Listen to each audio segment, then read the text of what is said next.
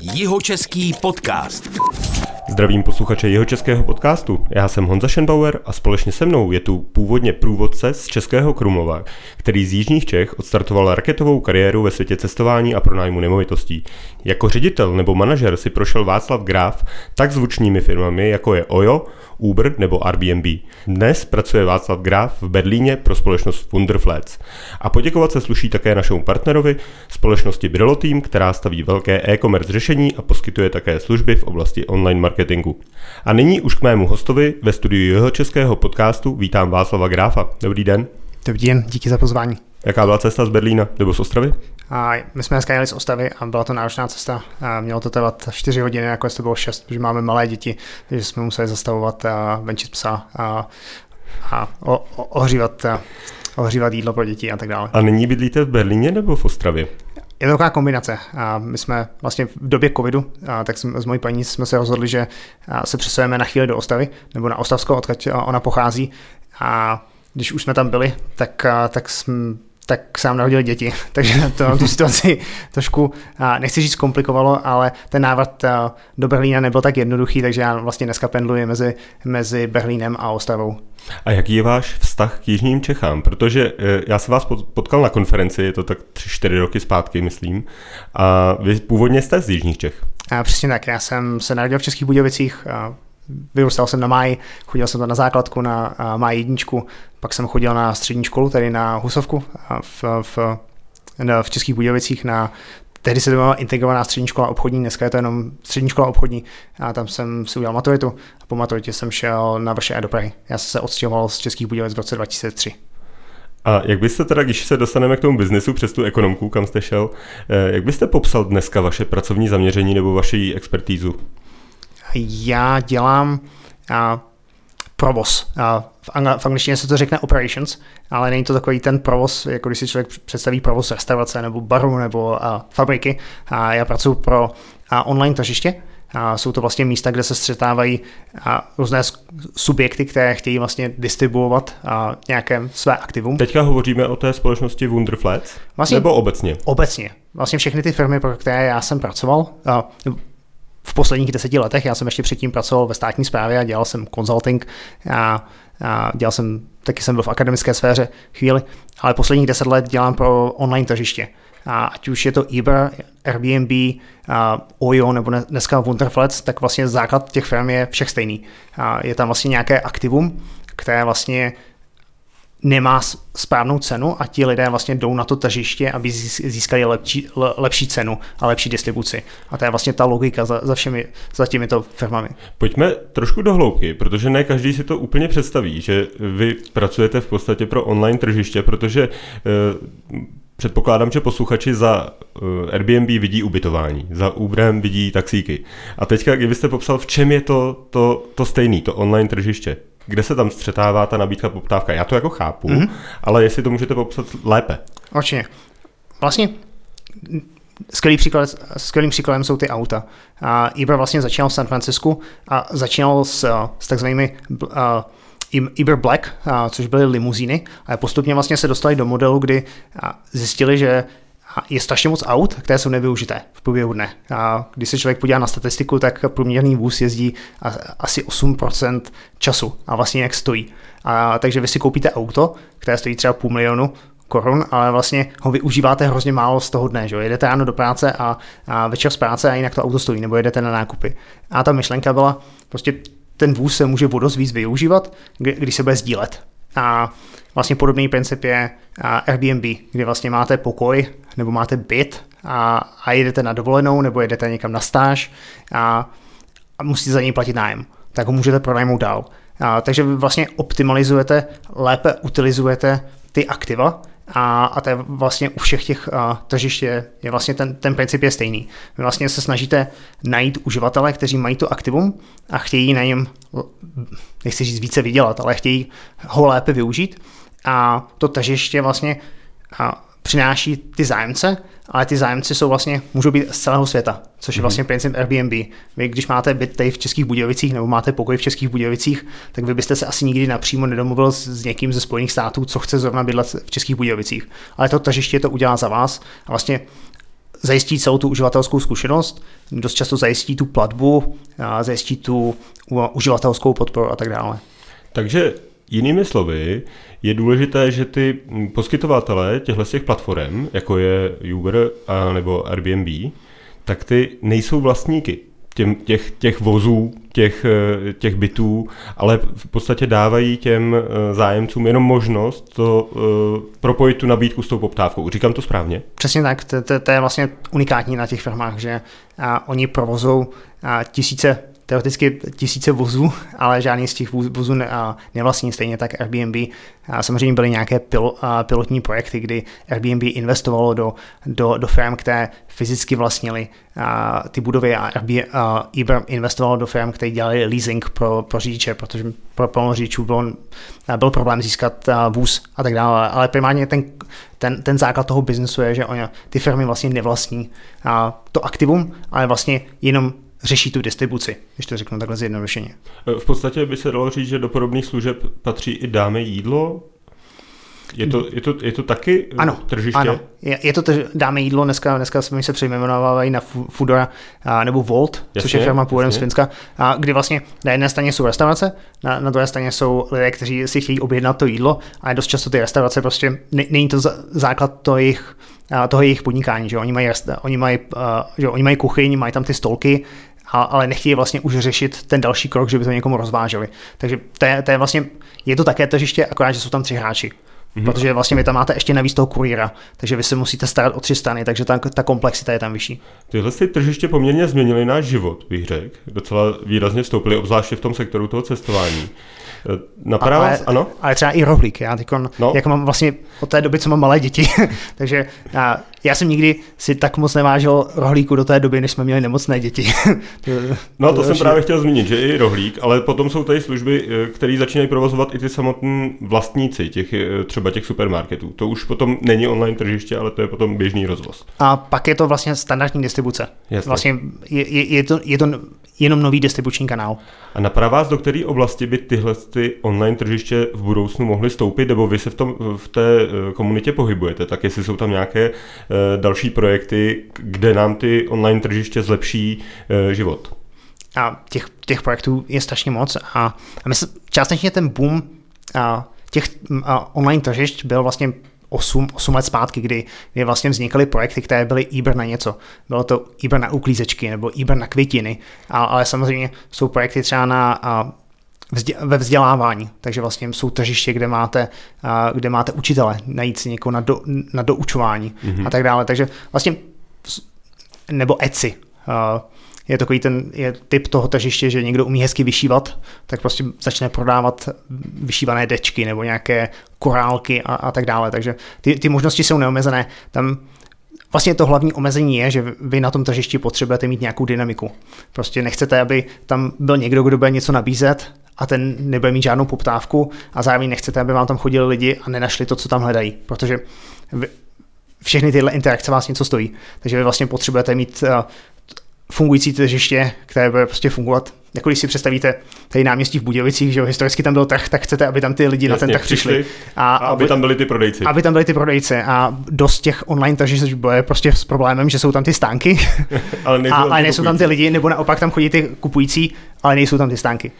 Dalo by se říct, že v Česku tohleto uh, online tržiště odstartovalo Aukro a Bazoš? Nebo byly ještě před nimi některé firmy? Protože a... to, je, to, je nej, jako to mi přijde, že to nejlépe popisuje to, to online tržiště, tyhle ty dvě služby. Tam vstupovali nějaký prodávající a nějaký mm-hmm. nakupující. A, ano, a, a vlastně Aukro, Aukro je je, je klon, že eBay historicky. Mm-hmm. Takže to je, to je, ano, ale to bylo vlastně fyzické, to bylo fyzické tržiště ve smyslu, že lidé prodávali fyzickou věc a ty novodobé tržiště typu, a, typu eBay nebo Airbnb, tak jsou spojené s tím, že je tam nějaká služba. Že vlastně vy musíte, vy máte to aktivum, ale musíte ho spojit s nějakou službou. A tou službou může být třeba to, že někoho ubytujete, což že je spojené s tím, že mu třeba přijáte klíče, nebo mu vysvětlíte, jak ten byt funguje, nebo a, a, nebo ho prostě jenom uvítáte a, a zároveň nemáme ještě samoředitelná auta, takže v Uber prostě potřebujete stále toho řidiče. Mhm. Když byste měl popsat ty rozdíly mezi těmi firmami, do kterých jste vstoupil, jsou to vlastně čtyři, jestli správně počítám? Ano. Tak ty čtyři, tak jaký tam byly rozdíly? Nebo uh, každá ta firma asi byla v jiném stádiu a co, jaká je to pro vás znamenalo zkušenosti? Dobrá otázka. Já jsem vlastně první firma, pro kterou, pro kterou jsem začal pracovat v tomhle segmentu, tak byl Uber. A v té době Uber nebyl ve střední a východní Evropě. Já jsem byl první zaměstnanec v regionu a pomáhal jsem spouštět Prahu. A pro mě to byla ten jako základ, ta jako škola, kde jsem se všechno naučil, protože já jsem vlastně začínal, jak se říká, na zelené louce. Koupil jsem si MacBook, a který mi potom proplatili zpětně a řekli mi, máš 14 dní a za 14 dní, ať to funguje v Praze. A to byl váš začátek. To byl můj začátek. Tržišti. Tady, máš, tady máš počítač, ani, ani vám nedali počítač, ale řekli za 14 dní, za, to funguje. Pak, pak ti to možná proplatíme. A, no, oni mi řekli, že to proplatí a všechno proplatili. A, a ten, ten počítač byl jenom začátek, protože my v té době jsme ještě řidičům dávali iPhony, a, protože ta řidičská aplikace nebyla a, volně sta, a, a, ke stažení v marketplaceu nebo v tom App Store. Takže já jsem musel jít do iStyle nebo do těchto prodejen a kupoval jsem v té době všechny uh, iPhone 4S, co měli, takže já jsem přišel do prodejny, říkám, kolik máte iPhoneu a oni řekli, no máme jich tady 15 a já říkám, tak já si vemu všechny. A, a protože že na ten začátek já jsem potřeboval několik desítek těch řidičů, a, s kterými bych tu službu pustil. A, takže Jak jste oslovoval ty řidiče? A relativně jednoduše. Já jsem uh, šel, já jsem stával asi 14 dní na letišti v Praze a, a byl jsem tam prostě od rána do večera a mluvil jsem s každým řidičem, co přijel a přivez nějakého cestujícího. Takže to byli taxikáři, byli to takový ti řidiči hoteloví a vlastně takový mix řidičů. To je zajímavá obchodní zkušenost, ne? Takhle jako vlastně na ulici nabízet novou službu. Určitě, ale, ale prostě součástí že jo, každé práce je, je určitá forma salesu. A, ale určitě v té době to bylo a, bizarní a plno těch řidičů prostě mě posílalo někam a zároveň v té době už začínaly ty regulatorní problémy Ebro třeba v Itálii, ve Španělsku, a, takže ty řidiči, ty profesionální už často věděli, co je čeká, nebo se té služby samozřejmě strašně báli, a, co, což je docela vtipný, protože vlastně Uber je novým oficiálním partnerem a, jako oficiální taxislužba pražského letiště, myslím teď od, od ledna příštího roku, mm-hmm. takže vlastně já, jsem jim to nabízel, že se můžu stát IBA řidiči a vlastně od příštího roku musí být všichni řidiči povinně IBA řidiči. Jak na to reagovali tenkrát ty taxikáři? Brali to jako příležitost, uh, anebo to brali jako hrozbu? A určitě jako hrozbu. Jo? A to jsem jim nabízel iPhone a vstupní bonus a všechny výhody, co šly a, a mluvil jsem, já nevím, třeba s dvěma tisíci řidiči za těch 14 dní a a povedlo se mi jich skonvertovat asi 80 za těch 14 dní. To je dobrá práce na to, že to brali jako hrozbu. Jo, tak oni doufali, že dostanou jenom ten, ta, že dostanou ten iPhone a už ode mě nikdy neuslyší. Vy jste hovořil o té regulaci. Jaká tam byla ta regulace na začátku? Jako, čeho se báli? A, on, vlastně my, my jsme vstupovali s produktem, který se jmenoval Uber Black, což byla licencovaná služba a my jsme se snažili být co nejvíc uh, uh, compliant, já nevím, jak se to říkám v češtině, v souladu s legislativou. Mm-hmm. A, a to znamená, že měli mít licenci ty oni, oni ty, ano, my jsme, my jsme brali jenom řidiče, kteří měli všechny zkoušky, měli všechny papíry, měli registrovaný vůz jako vůz pro taxislužbu, a, a, ale ten brand už v té době byl tak moc spojený s tím, s tím, uh, s tím produktem, který se jmenoval Uber Pop, což bylo ten... Což bylo, že mohl řídit kdokoliv. Přesně tak, to byl ten, jako, ten reálně, jak se říká P2P, uh, uh, ten uh, nejvíc ten nejvíc divoký produkt, který vlastně proslavil Uber, že vlastně kdokoliv a, a vlastně ta služba, že ve státech vlastně vytvořila celý ten boom celého toho industry, protože najednou kdokoliv, kdo měl auto, kdo měl Priuse, tak prostě začal jezdit jako Uber řidič a Uber se prostě rozhodl, že tenhle, tenhle produkt a, a vezme a rozšíří ho globálně. Takže vy jste zároveň, ale jste, tam teda nebyly ty legislativní problémy v, v Praze, když jste dělali jenom ten Uber Black. Byly a nebyly. A ten, ten náš právní výklad byl jiný než ministerstva dopravy. a a v té době ta, ta služba byla regulovaná takovým jako prapodivným způsobem, kdy, kdy, a, kdy, když jste chtěl vést klienta z hotelu na letiště, tak jste musel mít podepsanou papírovou smlouvu a museli tam být jména všech cestujících a tak dále. Takže oni tenkrát se vozili spíš na detailech, ale nezávisle na tom, my jsme za čtyři měsíce na to spustili Uber Pop, což byla ta služba, kde, kde vlastně ti řidiči nemuseli mít vůbec nic. A jak na tom byla taxislužba v Praze tenkrát? Bylo to ještě tak špatné, jako to, jako to proslavilo Prahu, nebo už to, bylo, už to bylo lepší? Bylo to takové, to, jako že byli schopni si říct 2000 korun za uh, odvezení z letiště? Bylo to vlastně úplně stejně šílené, jak si to člověk pamatuje a to byl rok 2013. Dneska, dneska to zní jako pravěk, ale opravdu v té době brát si taxík z ulice bylo, byla jako šílená zkušenost. A já jsem, a když jsem studoval na VŠE, když, tak jsem si přivydělával jako provodce po Praze. A a měl, zažil jsem, nebo slyšel jsem tolik smutných příběhů od svých klientů, a jakou měli zkušenost eh, s taxislužbou pražskou, takže i to byla taková moje vnitřní motivace. A dalo by se říct, že ta služba přispěla k té kultivaci celého toho, eh, celého toho odvětví? Stoprocentně. Tady vlastně že ten, to město, ať už to bylo hlavní město Praha nebo ministerstvo dopravy, se snažilo nějakým způsobem zlepšit reputaci, zlepšit kvalitu té služby, ale samozřejmě nic nefungovalo a jediné, co vlastně reálně fungovalo, byly služby, ať už to byl, ať už to byl Uber, estonský Bolt, nebo pak ještě česká firma, která se jmenuje Liftago. A vy jste opouštěl tu firmu a kolik bylo taxikářů v tu dobu a co jste tam, co jste dokázal? Já jsem odcházel po roce a něco a, a měli jsme a, několik stovek a, aktivních řidičů, kteří jezdili každý týden a dělali jsme a, desítky, tisíc, přes deset tisíc jíst týdně. A nevnímal jste potom to, že jdete jako do nového odvětví, jako teďka hovořím o Airbnb, a že budete znovu řešit ty legislativní problémy a znovu budete vysvětlovat, eh, že to je dobrá služba?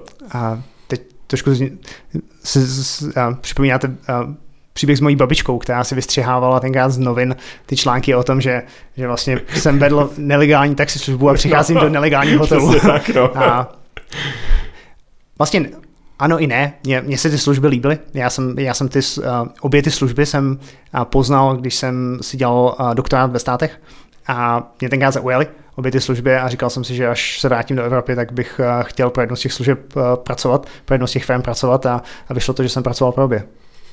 A jaký byly začátky v tom Airbnb? To, bylo, to už byla zavedená služba? V té době a Airbnb je unikátní v tom, že oni vlastně nepotřebovali nikoho fyzicky na tom trhu. Takže oni nepotřebovali mít fyzicky žádného zaměstnance na, na to, aby a, ta služba fungovala. Takže a, já jsem já jsem nastoupil a v té době v Praze bylo nějakých 5000 a, a, nabídek řekněme to takhle, nechci říkat, že to bylo 5000 bytů, protože to mohly být pokoje, mohly to být sdílené pokoje, samostatné pokoje nebo celé byty. Takže v tom roce já jsem začínal na podzim 2015 a těch bytů v Praze já jsem řekl bytů, ale chtěl jsem říct nabídek, bylo nějakých pět tisíc a vlastně za rok na to jich bylo asi 12 tisíc. A kolik jich je dneska třeba? A, abych se přiznal, tak a nevím, já, já ty čísla nesleduju. A Oni, oni nejsou důvěryhodná data, oni existují služby, které skypují, že sbírají data, jsou to robotické sběry dat a oni publikují údaje, ale oni nejsou úplně přesné, ale samozřejmě COVID to hodně ovlivnil, kdy před covidem těch bytů nebo těch nabídek v Praze bylo asi 20 tisíc, ale samozřejmě v době covidu plno těch nabídek z té služby zmizlo, protože prostě nebyl žádný turismus, ten urbální turismus vlastně skončil. Takže ty eh, vlastníci se posunuli k buď středněnovým nebo dlouhodobým pronájmům, třeba v tom covidu, a to jsou ty další dvě služby, které vy dneska, nebo který jste potom zastupoval. Ne, nepletu se Ojo a Wunderflats. Wunderflats. A Ojo jsou hotely. To byl mm-hmm. vlastně, já, já, já, jsem odcházel z Airbnb v roce 2018 a šel jsem do firmy, která vznikla v Indii. A já jsem, já když jsem do ní nastupoval, tak ta firma fungovala jenom v Indii a v Číně. Já jsem byl fakticky jejich druhý bílý zaměstnanec. A ta firma... To vás doprovází jako celou tou kariérou. Mi přijde, že vždycky někde otevíráte nějakou pobočku, nebo jste tam jeden z prvních. Ano, a, a on, on vám to taky nejvíc dá, protože nejvíc se to naučíte a, a, a, a vždycky je to zajímavá příležitost. A v, Oju to bylo relativně divoké, protože ta firma byla prostě z Indie a, a oni získali obrovskou investici, získali a, miliardu dolarů od SoftBank, a, co, což byl obrovský investiční a, konglomerát původem z Japonska. A a oni si najeli mě a mého tehdejšího kolegu, aby jsme jim pomohli s expanzí do Evropy. A já jsem vlastně další dva roky trávil tím, že, že jsem uh, otvíral, otvíral nové trhy, primárně v západní Evropě. My jsme, my jsme se zaměřili na ty velké, velk, velké evropské trhy, jako bylo Španělsko, Itálie, Německo, Francie, a, ale bohužel samozřejmě covid. Uh, a co ta služba dělá? Ojo? A Ojo se zaměřoval, ono to vzniklo původně v Indii, kdy vlastně uh, v Indii a když se podíváte na hospitality nebo na ten, na ten sektor ubytování, tak tam jsou jenom špičkové hotely, které jako Taj Mahal, a pak je tam hrozně moc špatných hotelů. a vlastně ty hotely nemají žádný brand, nejsou součástí žádného řetězce, takže vy vlastně nikdy nevíte, kde skončíte. Ta situace je prostě, kdybyste si bral hotel v Evropě před stolety. Vy prostě nevíte, že v jakým nějakým zájezdním hostinci skončíte. A, a vlastně v Indii byla příležitost začít eh, definovat standard pod jedním brandem a v Indii vlastně začali rozvíjet model, kdy oni přišli za hotel, hotelem, byl to nějaký nízkorozpočtový hotel někde na okraji těch velkých měst, třeba v Dili nebo v Bombay a řekli, staňte se součástí naší sítě, a, ale musíte splňovat tyhle parametry. Musí to být, že musíte mít klimatizaci, musíte mít prostě bílé povlečení, a musíte mít zdarma snídaní, a, a, a my vám budeme dělat cenotvorbu, budeme vám řešit distribuci, budeme vám řešit zákaznickou zkušenost, takže podporu a a vlastně oni vzali ten samý model, který fungoval relativně dobře v Indii a v Číně a vlastně rozhodli se, že ho zkusí implementovat v Evropě, a ve Spojených státech a v Latinské Americe. Jaký to bylo uh, mít šéfy z Indie? Je to něčím specifický? A určitě. Je, je, je to úplně jiný, protože... Že mi přijde, že ta Indie se vymyká úplně všude, ve všech, ve všech oblastech, že je to takový stát sám pro sebe. Určitě. A zároveň je to vlastně nastup, nová nastupující velmoc. A ta, že dneska, dneska už má víc počet, obyva, uh, počet obyvatel Indie je větší než v Číně. A, uh, Indie má obrovskou ambici a zároveň je tam i obrovský nacionalismus v tom, že oni chtějí uspět a ale zároveň nemají tu zkušenost. Vlastně Indie exportuje software, ale neexportuje software a službu. A OYO vlastně byla služba, která byla v přímém vztahu s zákazníkem. A to je vlastně věc, která, kterou indické firmy dost často nemají. Že? Že vy jste zmiňoval Airbnb, Airbnb, Uber a tak dále, a to jsou všechno americké firmy, ale když si člověk řekne, jak uznáte indickou firmu, tak vlastně nikdo nezná, že, protože ona vlastně fakticky... Tata, tata ano, ale, ale to jsou, ale, ano, ale to je vlastně, to je průmyslový, že jo, to je průmyslová no. firma, a, ale vlastně online firma, která by měla, která by řešila zákaznickou zkušenost, tak prostě neexistuje. A vlastně já když jsem do té firmy nastupoval, tak já všichni ti lidé, s kterými jsem měl pohovory, tak to byli že, lidé, kteří vystudovali ve Spojených státech, pracovali pro obrovské konzultační firmy, ať už to bylo BCG nebo McKenzie. A, a pak když jsem fa- začal fakticky pracovat, tak ti mý kolegové v Indii, ti, mý vlastně peers, ti na té mé úrovni, tak to byli lidé, co dost často nebyli eh, mimo Indii. Oni vlastně nebo byli třeba na svatební cestě v Dubaji a to byla vlastně jejich jejich životní zkušenost. A, a dost často jsem narážel na takové zvláštní momenty, kdy oni si třeba mysleli, že mluvím všemi evropskými jazyky, protože, protože jsem byl prostě head of expansion a měl jsem na stole, byl jsem jako šéf expanze pro, do Evropy a oni si mysleli, že znám všechny evropské jazyky. A jsem vysvětloval, že ne, že prostě pro každý ten trh. To snad ani takový člověk není, ne? někde na nějaké filologické no. fakultě asi bude, ale já to rozhodně nejsem. A, takže bylo tam, určitě tam bylo jako plno zvláštních, možná až bizarních momentů, které jsem zažil, a, ale zároveň to byli, ti kolegové byli extrémně pracovití a, a takový ten ruch té kanceláře, co jsem viděl v Indii, protože já jsem tam musel lítat a každý, každé čtvrtletí na, na reporting a, a na setkání těch vedoucích pracovníků, tak to, co člověk jako vidí v Indii, tak jako nevidí nikde jinde. A čím jsou jiní, když to porovnáte se střední Evropou, jako i z hlediska vedení lidí, i z hlediska biznesu? Jak to tam funguje? Určitě, je tam obrovská zapálenost. Vlastně já, ta moje představa je, že vlastně dneska Indie je jako třeba, nebo Dili je dneska jako třeba Londýn v roce 1900, kdy máte skupinu lidí, kteří jsou extrémně bohatí, pak jsou tam lidé, kteří jsou extrémně chudí a pak je tam ten ta střední třída, nebo ti lidé, co se chtějí dostat do té střední třídy. A to je vlastně teď ten boom, kdy vlastně ty lidé jsou extrémně pracovití. A, a je, je tam že je tam extrémně flexibilní a, pracovní trh, takže třeba a v Indii není problém, že si vymyslíte interní projekt, najmete na to 150 lidí, za tři týdny zjistíte, že ten projekt nedává smysl, tak těch 150 lidí vyhodíte.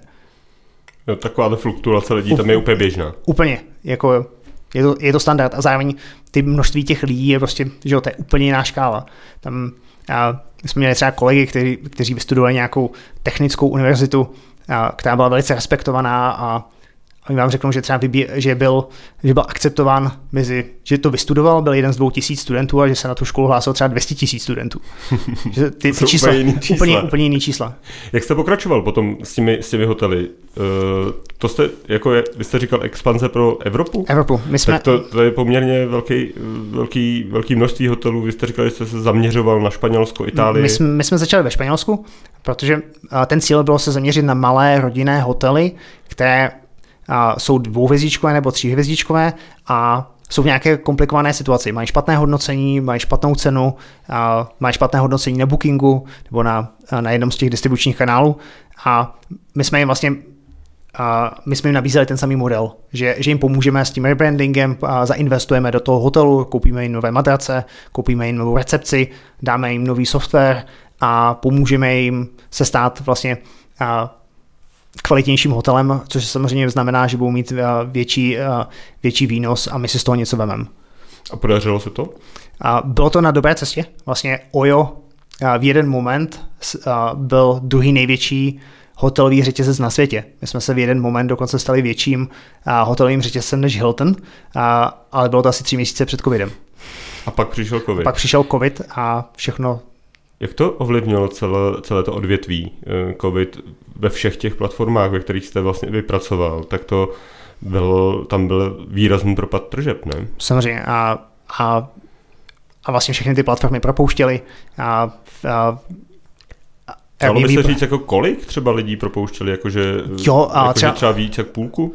A, tak třeba OJO v Evropě propustil všechny. Jo, včetně vás. A včetně mě. Já jsem teda stihnul ještě tam to bylo komplikovanější, já jsem stihnul ještě rezignovat těsně předtím, ale Airbnb propustil asi třetinu lidí třeba v Evropě. A uh, propustil většinu lidí. Uh, zá, zároveň oni zainvestovali i do nové, do nové firmy, která se věnovala uh, uh, vacation rental, což jsou chaty a chalupy. A to byl třeba zase segment, který fungoval během covidu velice dobře, třeba v Německu, uh, v Německu a, a ve Francii. Uh, nebo v, v Dánsku a v, v Nizozemí, to byla, covid byla vlastně jejich nejlepší sezóna v historii.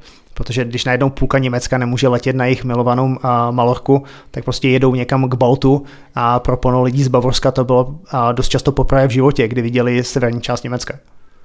Posloucháte jeho český podcast s ředitelem zahraniční společnosti Wunderflats Václavem Gráfem. Jeho český podcast. My jsme tady probrali tu vaši historii uh, Uber, Airbnb, Ojo, a teďka pojďme k tomu, co nastalo potom. Vy jste potom krátkou dobu, nebo před delší dobu, řekněme třeba přes rok jste fungoval a fungujete i dodnes jako konzultant na volné noze. Co si pod tím představit? Co, co takový člověk dělá? Já, já jsem vlastně, když, když skončil OJO, tak bylo léto 2020, byl covid a já jsem si rozhodl, že já jsem se také ženil to léto, takže jsme měli svatbu a a v pak, Dubaji jako ostatní Indové? Ne, ne, ne. ne. A, ale pak a, jsem si dal na půl roku pauzu a, a rozhodl jsem se, že prostě zkusím a, dělat consulting, že budu, že budu a, zkusím pomoct pár firmám, které uvažují o expanzi, takže jsem se rozhodl, že vlastně jenom vezmu tu zkušenost, co mám z těch předchozích třech firm a zkusím to nabízet, nabízet dál a pracoval jsem vlastně externě pro pár firm, které vlastně chtěli expandovat do Evropy, buď to byly evropské firmy a chtěli jít do střední Evropy, nebo to byly zahraniční firmy, co plánovaly expanzi do Evropy. A já, já jim dost často jenom se snažím pomoct nastavit procesy, vydefinovat ty jejich cíle, Dost často je to také spojené s, nějak, s otázkami kolem produktu, a protože ten produkt se musí lokalizovat, a protože chcete mít, že chcete mít uh, tu zkušenost, že člověk v Polsku se bude cítit jako, že používá polský produkt, uh, nebo že uh, člověk, co používá ten produkt ve Španělsku, tak by se měl cítit jako, že používá španělský produkt. A to může být, a nemusí to být nutně spojeno jenom s designem a, a s, s překladem, a, ale může to být spojeno i s, s určitými s dalšími aspekty.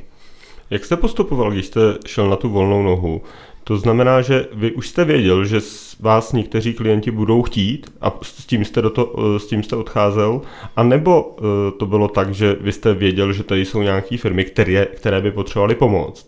A ty jste třeba oslovil, hele, já bych vám mohl pomoct s těma procesama, s tím nastavením. Jak to, bylo to z jedné nebo z druhé strany? A kombinace obou.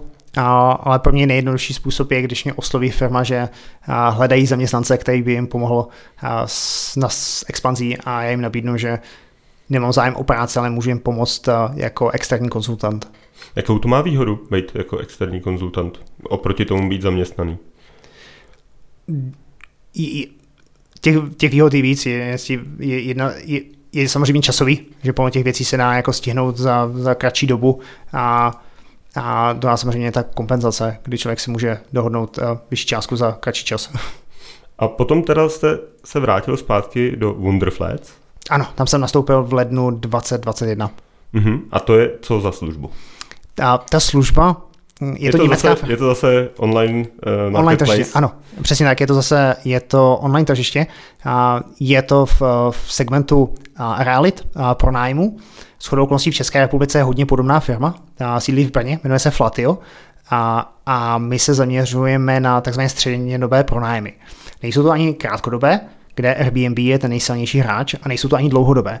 Ale, ale ten segment je specifický pro Německo, protože Německo samotné je relativně velké, a takže když se Němec stěhuje z Hamburgu do, do Mnichova, tak prostě je, je to relativně složitý, eh, protože je to fakticky skoro přes půlku Evropy, a tak dost často si vezmou byt na třeba tři měsíce, šest měsíců, a než, než projdou zkušebkou, než zjistí, kde je školka, a než zjistí, v jaké čtvrtě chtějí bydlet a vezmou si vlastně přechodné, přechodný pronájem.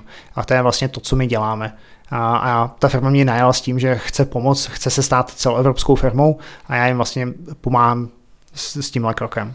Je těžší v tomhle tom odvětví najít ty uh, lidi, kteří budou poptávat, nebo ty, kteří budou inzerovat na tu střednědobý pronájmy? To je skvělá otázka. A ta naše služba je specifická v tom, že to není a, opakující se, my tam nemáme opakující se a, klienty. Jako protože, je Airbnb. Jako je Airbnb, protože eh, že průměrný, klient, průměrný klient nebo průměrný a, host na Airbnb si bukoval dvakrát ročně dost často letní dovolenou a zimní dovolenou. Ale člověk se, že jo, pokud nemá špatné vztahy a nerozchází se moc často, tak prostě nepotřebuje na rychlo nějaké ubytování nebo nějaký pronájem. Takže samozřejmě máme, máme klienty, zákazníky, kteří se s náma relokují třeba dvakrát, třikrát, ale není to prostě produkt, který by, jako je třeba Uber aplikace nebo Rohlík, že? Rohlík si prostě objednáváte každý týden, ale prostě tady, tady je... A tam jde o to udržet si ty zákazníky, zatímco tady je musíte furt de a, facto akvírovat, nacházet. Přesně to. tak. A, a vlastně a dneska získávat zákazníky je drahé. Takže ta, a na druhou stranu nám pomáhá to, že a hlavně po celé Evropě je plno hostitelů z Airbnb, co už nechtějí dělat Airbnb a, a to je vlastně pro mě teď ten nejjednodušší kanál, jak získávat nové pronajímatele. Že oslovuju firmy, které dělají Airbnb a, a vlastně nechtějí mít ten a, náročný proces, kdy vlastně každé tři dny tam máte jiné hosty, takže každé tři dny musíte uklízet, každé tři dny musíte měnit prádlo, musíte dělat, musíte uvítat ty hosty. A, a vlastně já tyhle firmy oslovu a říkám, nechcete si zjednodušit život a budete tam mít hosta, který tam bude bydlet tři měsíce a, a celý ten váš provoz se zjednoduší. Můžeme se podívat na to, co je pro ty, nebo na ty plusy a mínusy krátkodobých, střednědobých a dlouhodobých pronájmů? Jako mě jde o, zaprvé mi jde o tu náročnost e, mojí jako pracovník, když budu pronajímat, e, co mi to sebere za čas, když tam budu mít každý druhý den někoho jiného, mm-hmm. e, versus to, kolik z toho budu mít peněz. Jak, jak je to tady nastavené? Ka- každý, každý ten evropský trh je jiný a i v rámci, v rámci toho jednoho trhu rámci třeba České republiky, tak ta zkušenost bude jiná. Jasně, pokud, a vy budete pokud... mít asi nejlepší zkušenost z toho Německa teďka. A, ano, ale to, co, to, co vlastně chci říct, je, že, že když, jste, že hostit, když jste Airbnb hostitel v Praze, na Praze 1, a, tak ta vaše, ta, ta, ten váš provoz bude jiný, než když jste uh, Airbnb hostitel v Budějovicích, protože prostě nebudete mít takovou obsazenost a nebudete mm-hmm. mít tolik hostů. Uh, versus to, když máte byt někde uh, na, na Josefově na Praze 1, tak je relativně velká jistota, že každý 3-4 dny tam budete mít nové hosty, takže tam máte uh, relativně uh, velkou provozní náročnost, ale což samozřejmě vede k tomu, že tam máte vyšší výnos protože ty krátkodobé pronájmy jsou samozřejmě spojené, spojené s, s vyšší cenou, protože ta cena se odvíjí za noc. Versus když děláte střednědobý pronájem, tak, tak ta cena se odvíjí, většinou je to pronájem za měsíc, pronajímáte zařízený byt, a, ale vy tam máte dost často prodlevy ve smyslu, že se vám nestane to, že byste měl každé tři měsíce, a, že, že, že vám ten Jasně, host... že jeden vyprší a druhý hnedka nastoupí. Přesně tak. Tak jsou tam tyhle ty... A, tyhle Což ty... vede k tomu, že tam je vyšší cena než u těch dlouhodobých Přesně prodání. tak. Takže proto je zjednodušení, když prostě a, zjedno, úplně to zjednoduším. Prostě byt na dlouhodobý pronájem stojí, ten nájem bude 20 tisíc 20 tisíc měsíčně. Přesně tak, abych to chtěl zjednodušit. 20 tisíc měsíčně na střední dobý pronájem, tak ten byt bude stát 30 až 35 tisíc korun měsíčně a když to bude krátkodobý pronájem a bude tak, plně obsazený, tak... a bude plně obsazený, tak to může být třeba 80 tisíc. Mm-hmm. Ale samozřejmě vy si musíte platit všechny, že když děláte ten krátkodobý, tak tam furt řešíte nějaké problémy. Ty lidé vám píšou, teď se jim spozdí let, teď vlastně chtějí udělat check-in jako ve dvě ráno a teď něco rozbijou a, a tak dále. Takže ono je to jako, je, je to náročné, to, to nejsou to jako lehce vydělané peníze. A u toho střednědobého pronájmu tam člověk řeší to, jak jsou dlouhé ty mezery mezi těmi jednotlivými pronájmy, což vám samozřejmě sníží ten roční výnos. A pak máte ten, pak máte ten dlouhodobý pronájem, který má zase svá specifika když máte, uh, pronajímáte na dobu určitou, většinou standardně v České republice se dávají smlouvy na jeden rok, tak samozřejmě se může stát, že ten nájemník vám v průběhu roku přestane platit a vy máte problém ho z toho bytu dostat a zároveň potom že musíte, musíte spustit proces uh, vymáhání toho, toho nájmu. Vy už jste to trošičku naznačil, ale e, ještě se vás na to zeptám. Máte pocit, že z toho boomu, který tady byl, že každý, kdo měl volnou nemovitost, tak si najednou říkal, já budu hrozně bohatý, protože ji budu pronajímat turismu, turistům přes Airbnb, tak se to přesune do toho, že ty lidi už jsou z toho unavení a chtějí mít větší klid. Jak vy jste to naznačil v té předchozí odpovědi? Že takhle je vlastně scháníte, ty, e, ty pronajímatele. Na v tom vlastně v té současné a firmě, tak nám rozhodně pomohl, částečně pomohl ten covid. Že plno těch firm si uvědomilo, že vlastně můžou přijít z toho krátkodobého do toho střednědobého a, pronájmu s tím, že a, prostě mají, mají nižší provozní náročnost. A, a jeden můj kamarád v Barceloně provozoval a, ně, několik desítek, ne stovek bytů na Airbnb a vlastně jeho a noční můra bylo uklidy. Oni vlastně měli dodávky, které jezdili po Barceloně, protože samozřejmě ty byty neměly jako v jedné ulici nebo v jedné, v jedné budově, ale měly rozházené po celé Barceloně a oni měli vlastně dodávky a, s uklízečema, které jezdili po té Barceloně a prostě vběhli do toho bytu, museli ho za 30 minut uklidit a museli běžet do dalšího bytu, protože ta Barcelona byla tak populární, že prostě jo, každý tři dny nebo každý dvě, dva dny tam měli nové, host, nové hosty. A, a vlastně díky tomu covidu, kdy oni přišli na ten střednědobý pronájem, tak si uvědomili, že, že, že je to prostě méně psychicky náročné. A Barcelona tam byly i vlastně nějaké nepokoje kvůli tomu, že tam ty místní se zbouřili proti oni se, Airbnb on, kvůli, se kvůli vysokým cenám uh, pro nájmu, ne? Ano, ale zároveň, když přišel covid, tak zase město přišlo s tím, že by měli podporovat Airbnb, že, že jim jo. ten turismus chyběl. A jak to bylo vůbec v těch městech, kde uh, lidi říkali, že Airbnb způsobuje růst ceny eh, běžných nájmů, že tam lidi si stěžovali na to, že díky této službě je, je tam dražší bydlení obecně. Mm-hmm. Je to, za prvé, je to pravda, a za druhé, eh, je, jak to vlastně Airbnb řešilo? Já začnu tou druhou částí té otázky. Mm-hmm. Airbnb měl interní tým na vztah s veřejnou zprávou, kdy vlastně komunikoval aktivně se snažil vysvětlit zástupcům veřejné zprávy, ať už to bylo na té centrální úrovni, takže ministerstva, nebo na té městské úrovni, jaké jsou data. Dost často jsme sdělili data, vysvětlovali jsme, jaký máme dopad na ty města a tak dále. Ale můj osobní názor, který je postavený i na základě mé akademické zkušenosti, a kdy, když se člověk podívá na Prahu, tak Airbnb tam rozhodně neměl žádný vliv na cenu nemovitostí. Ano, na Praze 1, ale to je, ale to je dneska Disneyland. Praha 1 možná ty okrajové části typu, že to, centrum, to širší centrum dneska je Praha 2, Vinohrady, a možná Nusle, a Praha 6, a Žižkov Praha 3, ale Airbnb určitě neměl vliv na cenu a, na Černém mostě. To, že mhm. dneska panelákový byt na Černém mostě stojí 6 nebo 8 milionů, tak za to rozhodně nemůže Airbnb. A je to tak, že ty, to, jak vzrostly ceny nemovitostí a tak, tak za to Airbnb nemůže, ale může za to spíš ta státní zpráva, že tam byl nedostatek těch bytů, stejně tak, jako tomu bylo v Berlíně? Berlín je zase specifické město. To je uh, Berlín uh, Berlín řešil to, že měli... Tam je velký byty- podíl těch státních bytů, ne? Jestli se nepletu. Všeobecně v Německu je velký, po, po, velký podíl nájemního bydlení. Mhm. Mm-hmm. A v Německu je asi 55% všech, uh, všech, uh, všech občanů bydlí v nájemním bydlení. A Berlín byl specifický ve velice specifické situaci, kdy do Berlína se nikdo nechtěl stěhovat a všichni se stěhovali z Berlína pryč. Takže Berlín v 90. let- letech prodával paneláky, které byly bezprizorní, protože v nich nikdo nebydlel. A zároveň v Berlíně zůstalo plno bytů, které mají původní historické smlouvy nájemní. Takže a, jsou tam byty, kde nájem je třeba a, byl původně ještě v německých markách a dneska ti, ti lidé třeba platí 80 nebo 300 euro Mhm. mm-hmm. měsíčně. A pokud někdo, kdo má tuhle smlouvu, dal ten byt na Airbnb a pronajímal ho za 150 euro na den, tak samozřejmě tomu vlastníkovi... Zaplatil ten- dva nájmy jedním dnem. Přesně tak, takže ten vlastník z toho nebyl úplně šťastný.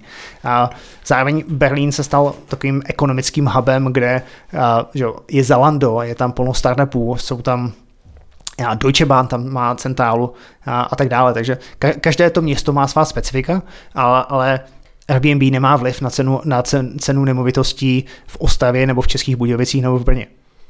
No to jste se hezky dostal do těch jižních Čech. Eh, Ještě se zeptám obecně, eh, vidíte tady prostor pro to, že by tady třeba vznikla nějaká jako česká platforma pro eh, nějaké české tržiště, které se bude věnovat tomu, tomu odvětví řekněme cestování a že, že, že vytlačí vlastně tu zahraniční konkurenci? A ono tady vzniklo, a to byl Slevomat. Mhm. Slevomat je unikátní příběh, a, kdy oni se chopili, a, oni se zaměřili přesně na ty mimo pražské oblasti, zaměřili se na hotely, které měly wellness a začali nabízet, oni vlastně převálcovali booking. Dokud mm-hmm. Slevomat vlastně zničil monopol bookingu. A kdy vlastně oni šli za těmi malými hotely a řekli, vy máte problém s tím, že prostě máte tady, že udělali jste si spa a nikdo vás sem prostě v listopadu nejezdí. Tak pojďte to prodávat přes nás a, a máte prostě najednou obsazenost. Takže vlastně uh, jedna, že dneska, dneska Slevomat, který je vlastně vlastněný britskou firmou Secret Escapes, tak, uh, tak fakticky je velice silný hráč v tomhle segmentu a pak samozřejmě jsou tady ještě malé firmy, jsou tady firmy jako eh, Penziony.cz, Hotely.cz, a, které- E-chalupy třeba? a e-chalupy, chaty chalupy.cz jo, jo. a penziony.cz a hotel, hotel, hot- hotel.cz, tak to patří dneska a, polské investiční skupině a, virtuální, virtuálna Polska, a, kte, kteří se snaží budovat tady vlastně a, online online hráče na, na úrovni centrální Evropy. Takže stále tady je potenciál a třeba ty e-chalupy si myslím, že to je nejvíc zajímavý segment v rámci mm-hmm. České republiky, protože a, najít, najít hezkou chalupu, kterou byste si mohl pronajmout způsobem jako na Airbnb, že třikrát kliknete a je to hezky nafocený, můžete jednoduše komunikovat, a komunikovat s tím pronajímatelem, který prostě v tuhle chvíli nejsou. A když jsem byl ještě v Airbnb, tak překvapivě druhý nejsilnější region pro nás byl Liberecko.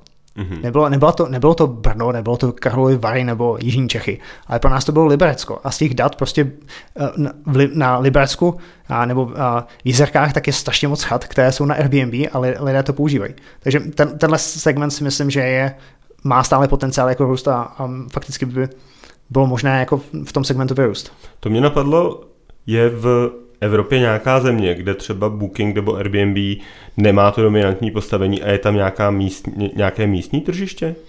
Je, je, jako přirovnávám to k tomu, že my jsme byli jediní, kteří ještě používali seznam, ale všude už byl Google.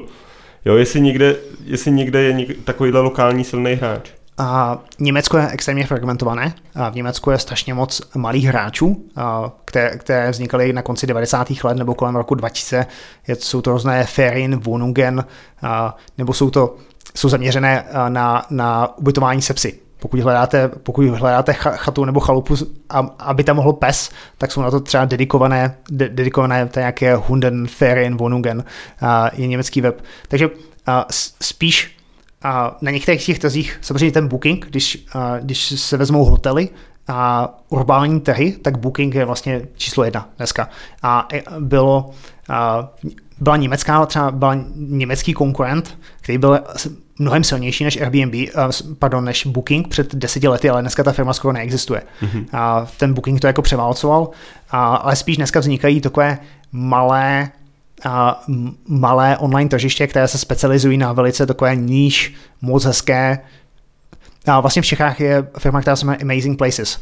Jo. A oni jich nemají moc, těch míst, které tam nevízejí, ale prostě tohle je segment, který funguje a relativně dobře. Ve Velké Británii je to Plum Guide a v, a pak je ještě firma v Dánsku, která se zaměřuje na takové ty a, a chaty, chalupy prostě ve Skandinávii. Mm-hmm. Takže spíš, spíš vznikají takové ty jako níž, a, nevím, jak se řekne níž česky.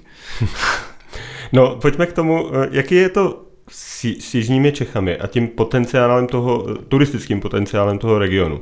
Je tady něco, co, protože mám takový pocit, že vždycky, když vidím ty autobusy, tak se zastaví na odpoledne v Českých Budějovicích a noc, noc skončí v Krumlově a potom jedou dál eh, na jich, na jich Evropy. Tak jak, jak si tady udržet ty, ty turisty, aby tady poznali třeba víc měst? A kdyby aspoň zůstali přes noc v Krumlově. Hmm. Já, já si vzpomínám, že a před covidem byl problém v tom, že plno těch turistů, co přijeli do Krumlova, tak si ani nezaplatili tu trasu a v zámku. Takže oni fakticky jenom přijeli a k tomu podívali, jeli, se. podívali se, prošli to, možná si dali oběd, naskočili zpátky do autobusu a jeli pryč. A vlastně Airbnb byl, Airbnb bylo dobré nebo zajímavé v tom, že průměrný host v Praze a, zůstal tři a půl dne versus průměrný host v hotelu zůstával asi jedna a půl noci. A, takže vlastně skoro dvoj, dvojnásobek. A, a když se vezmu Jižní Čechy, tak tady je takový paradox toho, že, že, že se sem buduje dálnice, na kterou všichni čekáme už docela dlouho, a což na jedné straně vám může přivést více lidí, ale zároveň více lidí zvolí to, že přijdou na otočku. A, takže já, já myslím, že určitě zajímavý segment, který, který má potenciál růstu, je prostě domácí, domácí turismus. A, a dneska je boom elektrokol, a já myslím, že to, to je jako nový fenomén, kdy postarší, postarší muži jedou jak blázni na elektrokole v horách. No obzvláště tady, když jsme tady kopcovití. Uh, přesně tak, takže, takže já, já myslím, že ten domácí turismus, a když se, když, když se podívám na Airbnb zpětně dneska, tak uh, vlastně úspěšné Airbnb nebo ten úspěšný trh byl takový, kde byl dostatek ubytovací kapacity. Protože to, co chcete, je, že přijete na tu stránku a nemůžete si vybrat, protože jedna chata je hezčí než druhá. Nebo ten byt je, že máte tam 10, 10 nádherných bytů a všechny mají balkon, všechny mají ten výhled, co chcete a vy vlastně nevíte. A když je tam prostě jedna špinavá špeluňka, tak prostě tam nechcete jít. A, a to, co mě napadá, a to i historicky to, že jsem byl úředníkem na ministerstvu průmyslu a obchodu, tak eh, které je garantem vlastně živnostenského podnikání, tak vlastně vy dneska, když provozujete Airbnb, tak vlastně stát vás nutí stát se podnikatelem. A to je to, co si myslím, že by se mohlo změnit na té centrální úrovni, je, a kdy plno evropských států zjednodušuje podnikání vlastně bed and breakfast, a kdy a Myslím, že nizozemí... Je to tak, že ta regulace už tam není třeba, protože ty technologie jsou tak daleko?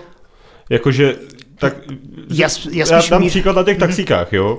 Eh, když víte, že ta, ta cesta bude stát tolik a tolik a máte tu mapu, kudy pojedete, tak je asi velmi těžký toho člověka obrat o peníze a velmi těžký zavloudit.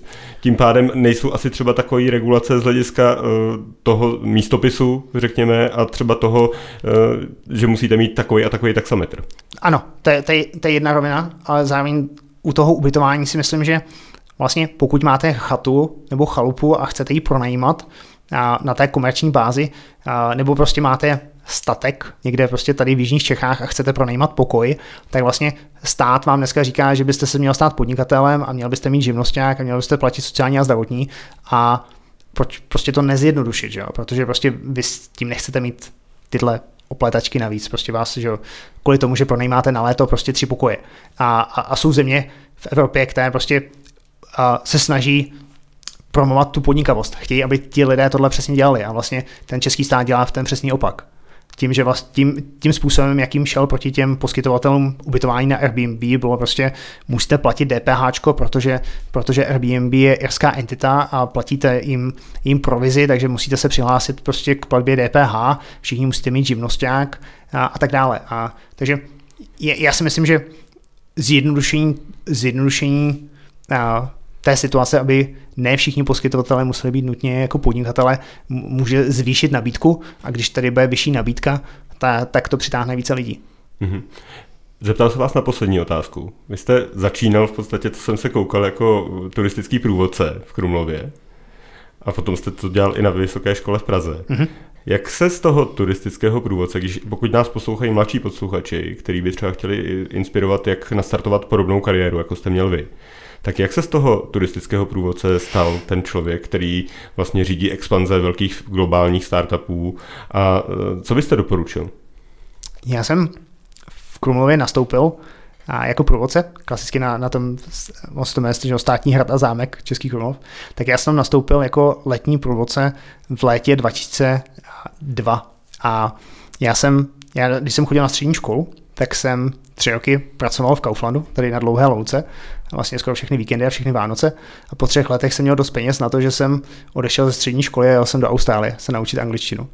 A, a když jsem se vrátil, protože oni mi neprodloužili výzum, tak jsem se musel vrátit a a čekal jsem na to, protože jsem se musel vrátit do školy, protože jsem neměl maturitu a já jsem byl potřeba jako mě, já jsem si udělal tenhle roční, tu roční pauzu jsem si udělal, když mi bylo 18 a když jsem se vrátil, tak jsem hledal brigádu s angličtinou v Budějovicích v tom roce 2002. Ale za boha jsem nemohl sehnat žádnou brigádu a někdo mi poradil, že se mám přihlásit do Krumlova, že můžu být průvodce v angličtině. A, a přesto jsem vlastně, a, a já jsem vždycky měl rád historii, vždycky jsem se zajímal o historii, takže se to hezky spojilo a v, o, my jsme měli ubytování a ubytování na tom zámku jako průvodci a ono to nebylo vůbec dobře placené, ono to bylo dost hrozně placené teda, a, ale bylo to hrozně fajn zkušenost a já jsem vlastně do, dneš, do dneška jsem v kontaktu s těmi svými kolegy, a, kteří byli průvodci jako já v Krumlově na zámku a pro mě to byla moc hezká zkušenost, na kterou já vzpomínám a, a k té otázce.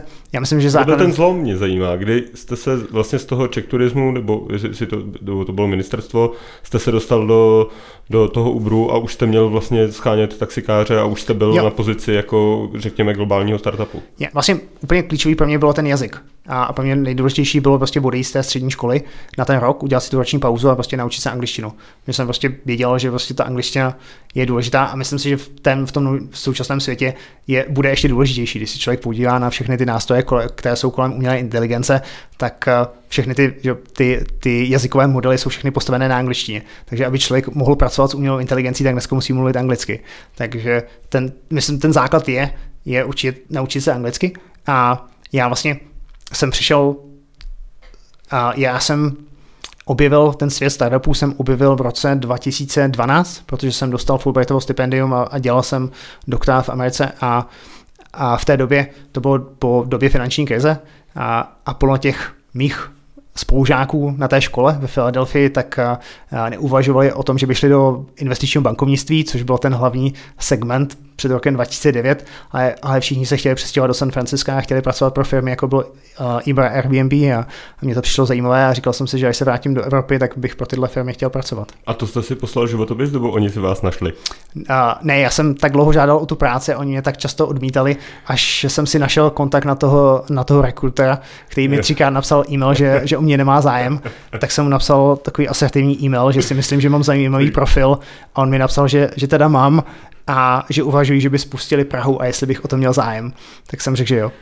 Takže jste byl usilovný v, tý, v tom dostat se tam, kam jste chtěl. A tak člověk si musí tu příležitost najít. Ta, mm-hmm. ta, příležitost, že, a ta příležitost nepřijde k vám domů a nezaklepe, a člověk musí být proaktivní a musí za tou příležitostí jít a, a musí, musí, člověk si musí vymyslet svoji vlastní práci. A to je vlastně to, co dělám poslední roky, vždycky si vymyslím tu práci, co chci dělat. Říká Václav Graf, člověk, který si prošel několika zahraničními startupy. Václave, já vám moc krát děkuji za rozhovor. Díky za pozvání. Našim posluchačům díky za přízeň a mějte se fajn. Jeho český podcast. Sponzorem podcastu je Smart Emailing, oblíbená česká platforma pro e-mail marketing s pokročilou automatizací a napojením na různé marketingové kanály. Využijte našeho know-how třeba formou workshopů. www.smartemailing.cz